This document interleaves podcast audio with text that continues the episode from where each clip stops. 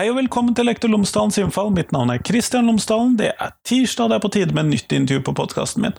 Denne uken så snakker jeg med Asbjørn Dyrendal, som er eh, professor ved NTNU. Og Hans kommer hit for å snakke om et konspirasjonsteoriprosjekt han har tenkt å ha ute i skolen, for å forske både på selve konspirasjonsteoriene, men også forske på hvordan vi kan bruke de i undervisningen. Så det skal vi rett og slett få høre om nå. Her kommer intervjuet, vær så god.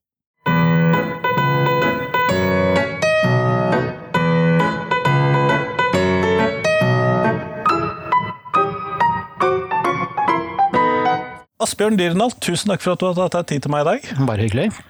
Før vi starter intervjuet, kunne du ha fortalt lytterne mine tre ting om deg selv, sånn at de kan bli litt bedre kjent med deg. Mm. Starter kjedelig. Jeg er utdannet religionshistoriker. Jeg jobber på NTNU.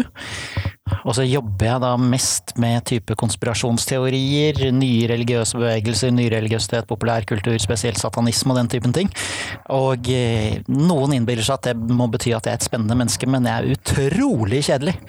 Alt det spennende det foregår mellom permer og eh, i hodet, og ellers er jeg et ekstremt vanedyr som stort sett pendler mellom jobb og hjem og trening, og ikke gjør noe annet høres bra ut for denne podkasten, i hvert fall. Mm. Du har eh, begynt å konseptualisere et prosjekt om konspirasjonsteorier, skole og ungdom. Kan du fortelle om det prosjektet? Ja, det er eh, i utgangspunktet meg og Dan Jolly eh, i Storbritannia og eh, Sylvain Delové i Frankrike som har snakka sammen litt om ting vi er interessert i og har litt sånn sammenfallende teorier. Og veldig kort så er det tre forskjellige løp. For det første, vi veit fryktelig lite egentlig om modning, tenkning, overbevisning og konspirasjonstenkning hos ungdom. Litt grann som religion skifter form, og religiøse overbevisninger er veldig sosialt varierende, det er veldig aldersbetonte. Så Kanskje vi kan se noe av det samme med politisk overbevisning og politiske fortellinger, som konspirasjonsfortellinger kan være. Eh, så vi vet lite om hvordan dette er, når det befester seg, og når det begynner å skli ut, og når det da begynner, fordi Når det går fra å være noe gøy til å bli noe ja, det, ja, eller altså, En av mine tanker det er jo at dette her er ting de plukker opp fra omgangskrets og fra foreldre. ikke sant? Sånn at eh, har du foreldre som er grovt islamofobiske eller antisemitter, så plukker du opp den typen holdninger og, og den typen fortellinger om begrunnelsene som konspirasjonsteoriene da eh, blir for eh, denne, denne rasismen. Men det er ikke sikkert at de holdningene sitter spesielt langt inne. Det kan godt tenkes at de fortellingene og en del av de holdningene er veldig fleksible nokså lenge. Det kommer litt an på både personlighet og alder og mye annet rart, kanskje. Men det, eh, Dan har begynt å jobbe med dette her eh, i England, 11-16. Vi må se om dette her er noe vi kan se noe tilsvarende i flere land, sånn at det ikke bare gjelder de skolene han jobber med i nabolaget sitt. Eh, og det er jo litt viktig, fordi det er kulturelle forskjeller også på dette her. Når begynner de på skolen, hva jobber de med i skolen, en del andre sånne ting. Så det kartlegging er den ene, den ene sida av dette her. Hva er det som foregår, hvor foregår det, når begynner det å ta av i retning av noe som har skadelige konsekvenser konsekvenser for eh, samfunnet som strider mot skolens normer og målsetninger, og eh, for enkeltindividet, eh, som vi også veit at konspirasjonsteorier kan ha veldig skadelige konsekvenser av. Den andre typen påvirkning som vi kan tenke oss at er i klasserommet, og som kan påvirke, det er lærernes holdninger og lærernes kompetanser på disse feltene. Sånn at vi har begynt så vidt forsiktig med en eh, undersøkelse som Sylvain eh, har satt i gang, og vi ser på forskjellige land og holdninger hos de som skal ut i skolen. Eh, på lærerstudenter, da? Eller? Lærerstudenter, ja, rett og slett. Siste års lærerstudenter, sånn i utgangspunktet. Og det, Vi har ikke så mange, vi har noen fra hvert land. Jeg er litt usikker på hvor gode de dataene egentlig er, men det, det begynner vi på. Og så er det noen ting der som vi må se på på en litt annen måte. For det, det som er min hovedinteresse i det her, altså, og som jeg da har snakka de andre inn i at er en viktig ting, nemlig å se hva kan vi gjøre for noe? Altså sånn, Finnes det måter vi kan drive vanlig samfunnsfag og historie og religionsundervisning på, hvor vi tweake bitte lite grann på eh, hvilke eksempler vi bruker, nøyaktig hvilke ferdigheter vi trener, eh, og hvordan vi trener de analytiske ferdighetene som vi er ute etter å trene uansett. Altså, og de holdningene, demokrati og medborgerskap og en del sånne ting, som gjør at vi også kan vaksinere mot konspirasjonstenkning før folk møter alle disse her eh, tidvis rare og tidvis eh, ikke fullt så rare konspirasjonsteoriene som de da blir tilbøyelige til å falle for, og som fører dem ned i det her kaninhullet som konspirasjonstenkningen mer gjennomført kan bli til. Eh, så kan vi gjøre noe med det? Finnes det måter å gjøre det på som er bedre enn de vanlige undervisningsmetodene vi bruker i skolen i dag? Eh, og da må vi prøve å undersøke det, rett og slett ved å prøve ut noen av de tingene vi har lært av de siste åras forskning på konspirasjonstenkning, og eh, hvilke ting vi da kan prøve å trene vekk, eller å minske og se på om det har noen bedre effekt enn vanlig eh, skoleundervisning. Eh, så det må vi rekruttere lærere og skoler til, og så må vi finne ut eh, hva er det vi gjør i disse ulike landene? Eh, hvordan ser egentlig disse samfunnsfags- og historieundervisningen ut til eh, de forskjellige eh, skoleslaga? Er det noen måter skolene er lagt opp på som kanskje virker? Så vi har veldig mye igjen å lære her, og vi må lære av de lærerne som er der ute, og som gjør sitt beste hver dag. Jeg tror jo ikke at vi vil ha noen veldig sånn imponerende effekt av det her, for jeg tror skolen er jevnt over nokså god som den er i Norge.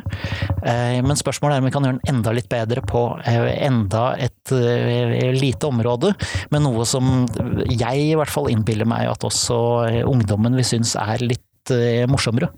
For det handler jo om å lære seg rasjonell detektivvirksomhet i møte med teorier som av og til ser spinnville ut allerede fra starten av, og av og til kan få deg til å lure. Ja, fordi at eh, jeg merker jo det på mine egne elever, at eh, det er en del sånne konspirasjonsteorier som eksisterer der, som de syns er direkte morsomme. Mm -hmm. Og så kan det hende at noen av dem av og til faller for dem, mm -hmm. og syns at dette virker plausibelt. Men av hvor de fleste elevene syns dette her er eh, ko-ko og gøy. Mm, mm, ja. eh, sånn som Flat Earth-teorier. Eh, og at Finland ikke eksisterer, pleier mm. de å le hysterisk av ja. Eh, når jeg forteller om den, som ja. tilsvar på det. Mm. Men er det noen andre typer konspirasjonsteorier som dere da har med i det samme sekvensen på hva dere ser på, eller er det mer altså, sånn generelt? Den vi har gjort noe med internasjonalt foreløpig i, i, sånne sammenhenger, det er jo holocaustbenektelse holocaust-benektelse og eh, ulike andre uttrykk for antisemittisk konspirasjonstenkning. Fordi det er så utbredt. altså Det er noe du finner absolutt overalt. Det er noe som er ganske gjeng, gjengs og likt? Over. Ja, og det er, ikke sant? det er langt ute, det er tydelig politisk, og det henger altså Noe av grunnen til at det er et godt eksempel å bruke, det er hvordan vet vi at en historisk hendelse har vunnet sted? Ulike måter å, å legge, lage opplegg om det. Det mobiliserer tanker om demokrati og medborgerskap som kan legges oppå det. Kan si noe om samfunnsordning og undervisning. Og det lærer metode og rasjonell granskning på ulike måter rundt et tema som uansett skal dekkes. Eh, og det gir jo da noen sånne eh, potensielle verktøy. sånn at det er noe av det vi har sett på. Men så må vi jo se, da. Eh, hvilke skoler eh, gjør hva, hvor og når i eh, ulike land. Fordi dette her, hvis dette her skal ha noe som helst sjanse til å være noe som er anvendelig i skolen, så må jo lærerne kunne bruke noen sånn typer oppsett på forskjellige typer eksempler etter hva det er de holder på med. Og det må ikke være for forskjellig, det må ikke ta for mye tid. Det må være noe som enkelt lar seg integrere i metoden man jobber på. Ja, for det må jo passe inn i undervisning, Nemlig. undervisningstemaene. Nemlig. Og det er akkurat det som er poenget. At det kan ikke være sånn at nå skal vi rydde plass til dette her. Det er mer det at du legger inn liksom sånn en sånn bitte liten tweak, småoppgaver, måter å jobbe på, som du lærer én gang, og som du kan anvende flere ganger på mange ulike eksempler, men som har eh, bare eh, Når de blir anvendt helt konkret på konspirasjonsteorier, handler først og fremst om konspirasjonstenkning.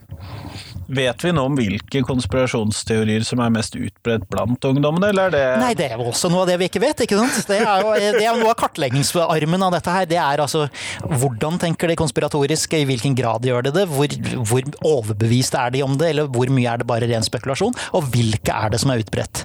Så det vi har foreløpig, det er sånn der type stikke eh, hånda opp i vinden og, og føle på den eh, på et eller annet vis, nemlig den der eh, noen av oss har vært rundt i klasserom og snakka med lærere og elever og fått ok, hvilke konspirasjonsteorier kjenner dere til? Eh, typer ting. Hva er det lærerne møter? Eh, de som kjenner dem, eh, hva er det de møter oftest? Og dette her er jo helt fullstendig uten eh, noe overraskende moment. Veldig avhengig av hvor du er og hvem du har. Så det er det sosiale miljø med vennekretser og fritidsmiljøer og eh, sammensetning som er med på å bestemme hvilke typer eh, konspirasjonsteorier noen kjenner til. For det er, én eller to i en klasse som har litt mer av den typen interesser enn andre ofte, og som, eh, hvis de er veldig karismatiske og utadvendte, kan trekke med seg flere på den biten av det som de er interessert i, og på den måten de er interessert i det på. Det er mitt inntrykk så langt. Veldig sånn lokalavhengig. Så hvordan takler lærerne det? Eh, og det er jo også en av de tingene som eh, vi hører mye forskjellig om. Altså, noen sier at dette er veldig vanskelig å ta, takle.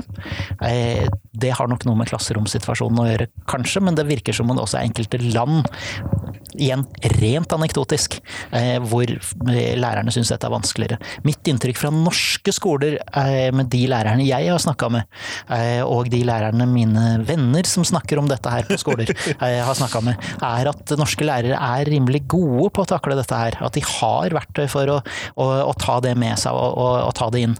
Men det de ofte da mangler, det er den overgripende, generelle kunnskapen om eh, konspirasjonsteorier og konspirasjonstenkning som gjør at de kan eh, se hvor de skal gripe an ting, eh, og den spesifikke kunnskapen, fordi det er så mange av disse her teoriene. Det går ikke an. Ikke engang jeg går rundt og har alle disse ulike konspirasjonsteoriene i, i huet. Jeg har dessverre altfor mange av dem i huet. Men, men, men heldigvis ikke alle. Men det er jo en av grunnene til at Terje Eimboland og jeg da har skrevet denne Hva er konspirasjonsteorier-boka, som kom ut nå, hvor vi også da har et opplegg med hva kan gjøres, bl.a. i klasserommet, som siste kapittel. Men det er jo også en sånn oversikt over uh, ulike dynamikker og steder og uh, ja, ting som er til stede i konspirasjonstenkning. Jeg kommer til å lenke til den i shownotesen til mm. episoden, sånn mm. at man kan trykke seg til den, i hvert fall. Ja, hvis man vil. Det syns jeg man skal. Det er sjeldent lite misfornøyd med den boka. Mm. Godt å høre. Men uh, her så har man jo da, fordi at du har jo da snakket om uh, holocaust-fornektelse og andre antisemittiske konspirasjonsteorier, og så regner jeg med at uh, islamfiendtlige konspirasjonsteorier, Eurabia-teorien osv. Mm. er relativt utbredt sånn over hele fjøla, og så er min antakelse at den og når jeg sier relativt utbredt over hele fjøla, så mener jeg blant de som driver med konspirasjonsteorier. Men så antar jeg at de andre konspirasjonsteoriene, enten det er Finland som ikke eksisterer, ja. eller Flat Earth, eller og andre typer konspirasjonsteorier eh, er veldig varierende fra land til land, ja. vil jeg tro. Ja. Uh, vi har uh, altså antimuslimske konspirasjonsteorier finner du uh, nokså bredt Eh, representert. Det er en politisk, populistisk og høyreradikal eh, altså Det er nesten en lineær funksjon fra venstre til høyre, hvor mye man tror på den typen ting, i hvert fall i Norge. Og det er en veldig tydelig sånn høyredreining på den teorien mer sånn generelt, sånn at du har et paneuropeisk eh, sjikt hvor dette her er en nokså populær type teori. De andre de varierer en god del. Det som er fint med sånn som flatjordsteori, det er for det første at Netflix har hatt en veldig kul og egentlig veldig fair eh, dokumentar om flatjordsbevegelsen eh, liggende en stund, som mange ungdommer på videregående skole faktisk har sett helt av seg sjøl. Og den illustrerer fabelaktig mange av de dynamikkene som jeg underviser i i det kurset jeg har hvor jeg snakker om disse tingene. Det er altså, Du kan plukke ut segmenter. sånn Her har du fem minutter som viser det, her har du fem minutter som viser det. Så det er ikke bare meg som står der og snakker abstrakt om ulike ulike måter man eh, tenker og gjør ting på i konspirasjonsteorier, men her kan du se dem gjøre akkurat de resonnementene fra talerstolen eller fra eh, eh, sendinga hjemme fra gutterommet. Det er jo ganske interessant. Jeg tror den også må havne i shownotesen her. Mm. Men når du da ser for deg dette prosjektet her, hvor mange, hvis du kunne ønske deg, hvor mange land, lærere, skoler, elever og forskere ser du for deg i et sånt prosjekt som dette? Ah, det er jo flere, jo mer tungrodd. Det er for mange variabler å holde styr på. Men i utgangspunktet, hvis vi har med fem land, så er vi veldig fornøyd. Altså sånn, Det er Vest-Europa først og fremst, og det vet vi at det har sine svakheter. Men nå er det jo en gang Vest-Europa vi bor i, eh, og vi kan jo begynne med oss sjøl, og så kan andre få lov til å styre litt med seg. Se etter om vi finner noe først. Ja. Eh, det er litt viktig, fordi hvis vi lager et prosjekt og vi bruker veldig veldig mye av folks tid og ressurser på det beste vi kan tenke oss av tiltak etter at vi har kartlagt, eh, og så har det en effekt som er nesten usynlig, eh, så er jo det litt dumt. Det er det. Eh, så vi, vi, må begynne et sted. Så det jeg har tenkt i utgangspunktet, det er at vi begynner med noen lokale skoler i ulike land. Vi lager Altså vi har noen sånn underliggende variabler, vi, altså noen underliggende ferdighetssett som vi vil trene for å se, og konkret på spesifikke konspirasjonsteorier, som vi så vil se om har noen effekt på konspirasjonstenkninga. Eh, det vet vi at de har i voksen befolkning. Eh, er du flinkere til de tingene, så tenker du mindre konspiratorisk. Eh, gjør du det, jo oftere du tenker analytisk, som det heter, jo mer du tenker kritisk, jo mindre konspirasjonsteoretisk av den forkastelige og tvilsomme sorten gjør du. Så er spørsmålet om det funker for ungdom, og om det funker i en eh, klasseromsituasjon med, med den typen trening. Eh, det tror vi. Men da må vi også ha en sånn type La oss si nå befinner jeg meg i Trondheim. Eh, vi har masse videregående skoler. Vi har ikke noe grunn til å tro at det er en kjempestor effekt, fordi norsk skole er rimelig god. Og folk har relativt høy tillit. Altså det er masse sånn sosiale variabler som ikke, inn. Så for å kunne måle en rimelig tenkt effektstørrelse innafor den ramma der, så to skoler som har vært gjennom den typen trening. Og så veit vi jo det at lærere de refererer fram og tilbake mellom ulike ting når de snakker, som vi gjorde i forrige uke. Vi, ikke sant? Eh, sånn at sannsynligheten er at det er ikke bare en engangsaffære, men at det fortsetter litt utover. På den annen side så vil en, to skoler som gjør akkurat som de pleier å gjøre, de vil også kunne referere til alt mulig rart uten at vi har noe kontroll på det, men det er jo akkurat det som er poenget. Vi vil ha eh, en, et par eksperimentskoler. Da har vi tilstrekkelig mange elever til at vi kan se en effekt, selv om den ikke er eh, eh, fryktelig stor. Og så vil vi ha noen sånn vanlig praksis, sånn som folk vanligvis gjør, på, på sitt beste vis, og se om det er. Og så måle da begynnelsen av skoleår og slutten av et skoleår, f.eks. Da vil vi se hvordan dette her har modnes over et år på, på andre steder også, sånn at de ikke eh, forveksler liksom sånn effekten av eh, et tiltak med forvekselen av bare å ha gått et år til på skolen. Bare ha blitt et år eldre. ja, nemlig. Så, eh, så det er det, tanken. Det, det, kan vi gjøre lokalt eh, i Norge. Eh, og så må det tilpasses. Altså, vi må trene de samme ferdighetene, så må vi se hvordan det er, og da må vi snakke med lærere. Altså, det viktige her, altså, sånn fordi én ting er, nå har jeg snakka litt med de som underviser lærere, men de underviser jo ikke lenger elever. Eh, selv om de har gjort det. Noen av dem. Eh, så vi må også se på eh, snakke med en god del historie- og samfunnsfags- og religionslærere om hvor og hvordan eh, de ser dette her for seg. Og få en del feedback på didaktiske opplegg som passer til måten undervisning foregår på i dag. Fordi som jeg sier, jeg veit ikke hvordan undervisning i skolen foregår i dag. Jeg hører rykter om at det er veldig forskjellig fra da jeg gikk på skolen, men det er jo ikke det når jeg er der. fordi når jeg er der, så er det jo stort sett meg som snakker. Eh, så jeg vet ikke hvor mye det eh, er, og det må jeg også eh, vite. Og det er nok også litt forskjellig fra land til land. Sånn hvordan man lager den typen opplegg, og hvor mange typer samarbeidsrelasjoner man må få til, det vil også variere. Mm. Men jeg vil veldig gjerne snakke med lærere som er ute i skolen om disse tingene. Fordi jeg tror ikke min skoleungdom er helt sånn 100% representativ. Mulig litt påvirket hjemmefra? Det er mulig de har hørt et ord om konspirasjonsteori hjemme før. Eh, men når du da snakker om disse ferdighetene som elevene må lære seg, og da har du snakket ja. om analytisk tenkning og kritisk ja. tenkning, hvilke, ja. hvilke, andre ferdigheter er det? Nei, altså dette her er å ikke falle for sånn overdreven mønstergjenkjennelsesting. Det er en viktig ting. Vi er alle mønstergjenkjennende dyr, vi må, men vi må lære oss å sjekke om dette mønsteret er der ute, eller om det bare er inni hodet vårt. Eh, og så må vi se eh, om Altså sånn Hvordan er bevisføring sammensatt? Henger det logisk sammen? Altså er alle disse her elementene av analytisk tenkning, det er et sånn overordna begrep. Så er det selvfølgelig disse tingene som man også driver med kildesjekking. Eh, her er det noen Å gud, se så mange kilder han har! Ja, eh, og alle disse kildene bygger på én og samme kilde der ute, så egentlig så er de bare alle sammen gjenfortellinger av én kilde. Og hvem er det? Å ja, det er han nynazisten der, ja. Eh, ja. Kanskje ikke verdens beste kilde. Så vi må lære Altså, dette her er sånn historiefaglig type ting, ikke sant? Hvordan, hvordan er dette her? Vi må kunne se bakom og se hvilke holdninger som gjenspeiler seg.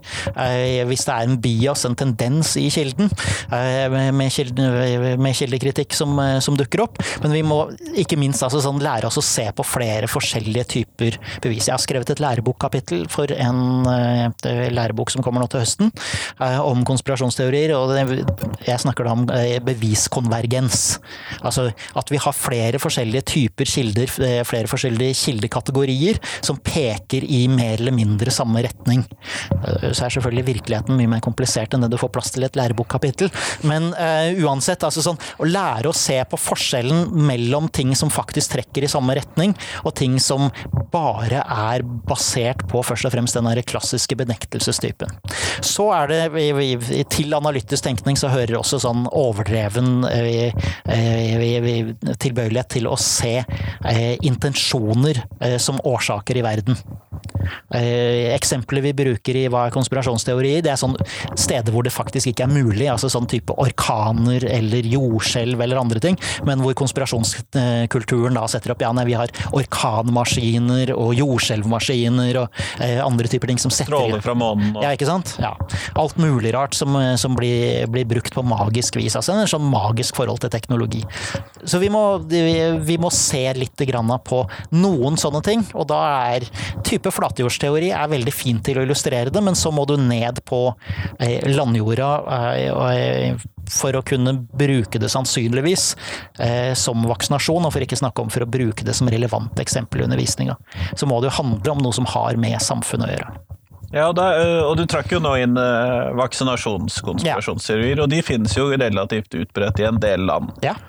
Så de er jo kanskje et godt eksempel. Vaksinasjonskonspirasjonsteori kan være. Eh, så er det da min, mitt spørsmål til deg og alle andre, det er hvor vil det passe inn hen i undervisningen? I hvilket fag? Og, og, og ellers? For det er ofte problemet. Ja, og det, det ser jeg. Ja. Uh, Min umiddelbare tankegang ville jo være at eh, vaksinasjonsproblematikken kanskje best passer inn under samfunnsfagene med stor Eh, som i flertall. Mm. Nå tenker jeg på videregående skole, ja, det tenker jo jeg også. hvor vi har flere samfunnsfag. Mm.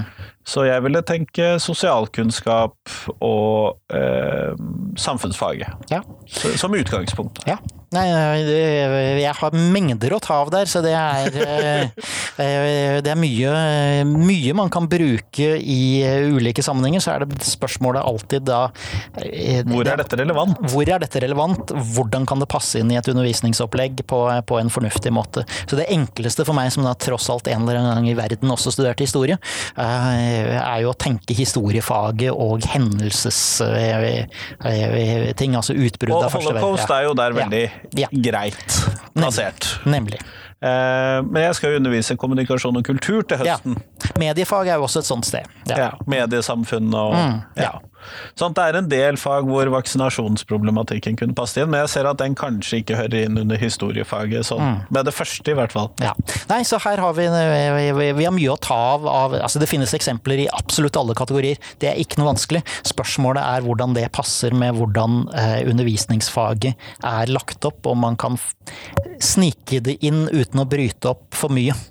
Nettopp, nettopp. Mm. Dette kan jo kanskje være ekstra godt Disse typer teoriene kan jo kanskje ekstra, være ekstra godt for oss å trene opp til denne drøftingsferdigheten for elevene, ja. som de uansett må vise at de har på eksamen. Nemlig, og det er jo hele poenget. Det er at det er, det er ingenting i uh, disse oppleggene uh, som vi har tenkt på som ikke allerede er uh, ferdighetselementer og holdningselementer som hører hjemme i skolen, og som er en viktig del av skolens grunnlag.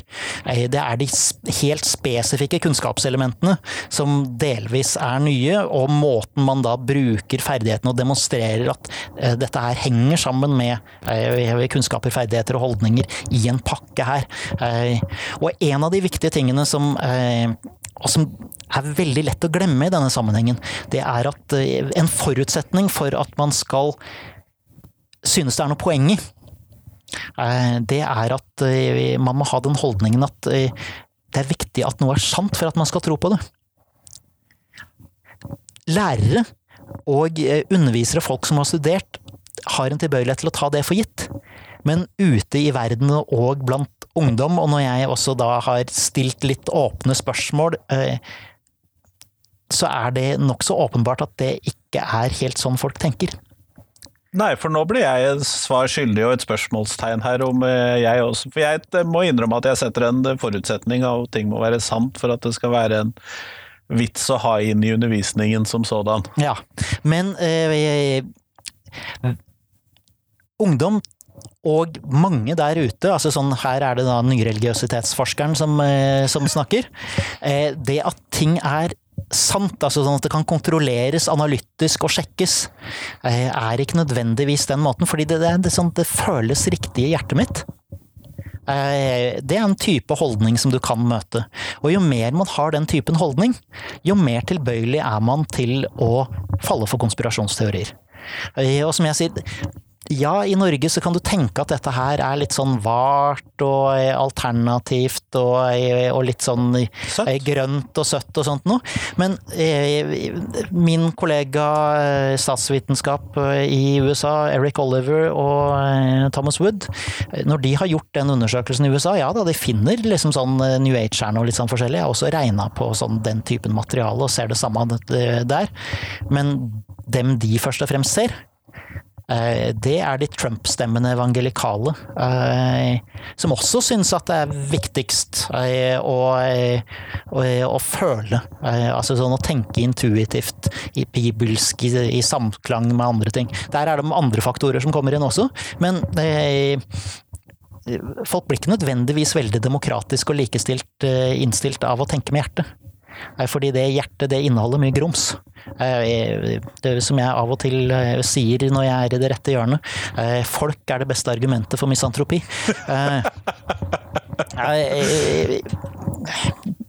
Folk er det beste vi har, det er kanskje det eneste vi har, men det er faen ikke mye å skryte av alltid. Og det er et viktig element å ha inn her. Altså sånn, hvis man ikke syns sånne ting er viktig, så er det en del ting som vi gjerne følger med på lasset. Og de holdningene, jo mer man holder fast ved ting som ikke er sant eh, med identiteten sin, jo mer man går i sånn selvforsvarssone, jo mindre blir man innstilt på at andre som sier deg imot, eh, egentlig bør ha så mye de skal ha sagt. Men hvis vi da tar dette inn i skolen, og vi vet jo det at denne drøftingsferdigheten osv. er en ferdighet som ofte er det som løfter noen fra mm. fire til seks i karakter osv. Eh, vil ikke det også ta mer av konspirasjonsteoriene, nettopp for å lære elevene bort fra dem, egentlig? Mm. Mm. Vil ikke det kunne føre til at flere elever eh, lærer konspirasjonsteoriene og faller inn i dem?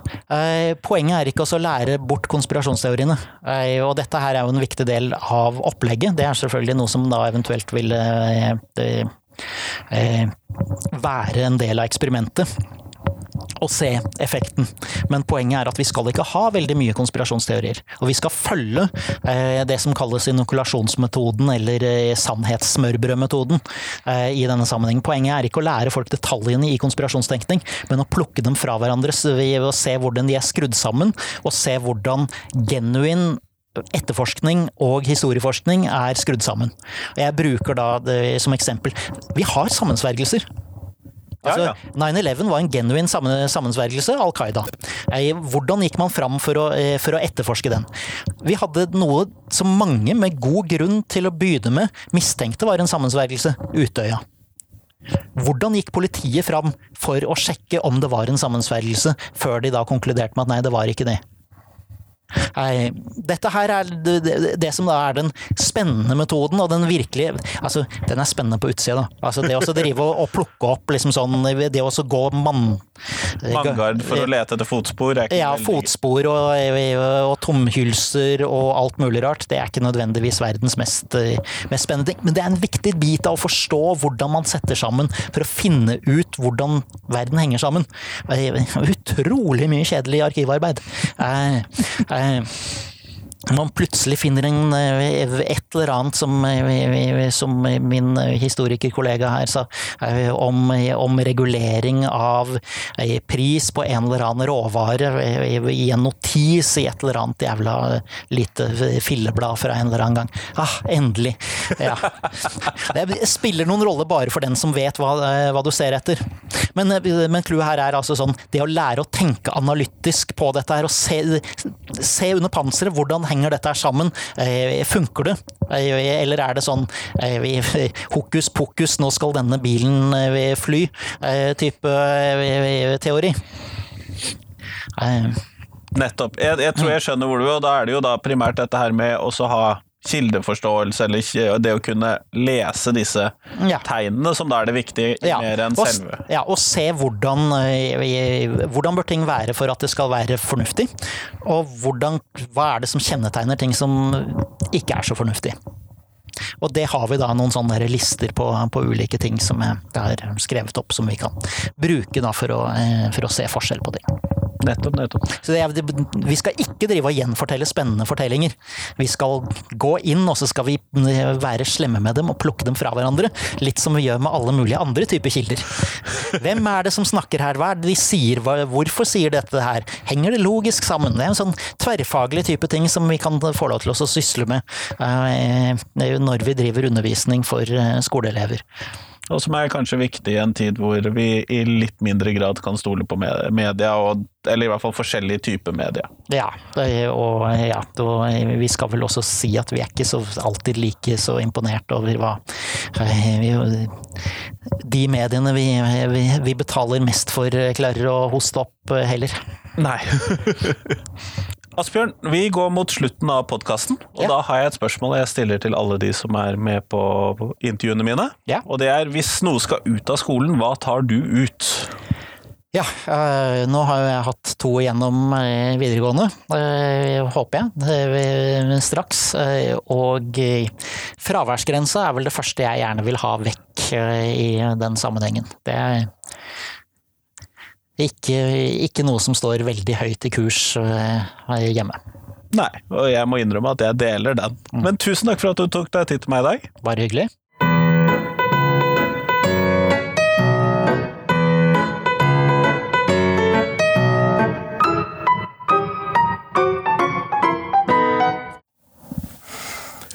Tusen takk til Asbjørn Dyrendal, og tusen takk til deg som hørte på. Nå er det en eh, uke igjen til podkasten. Da kommer det et spennende intervju med Hanne Steen fra Bergen kompetansesenter for læring, så det kan vi glede oss til.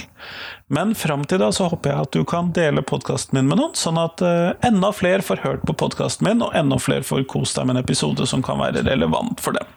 Så det håper jeg at du kan hjelpe meg med. Men i hvert fall, fram til neste gang, ha en fin uke. Hei, hei!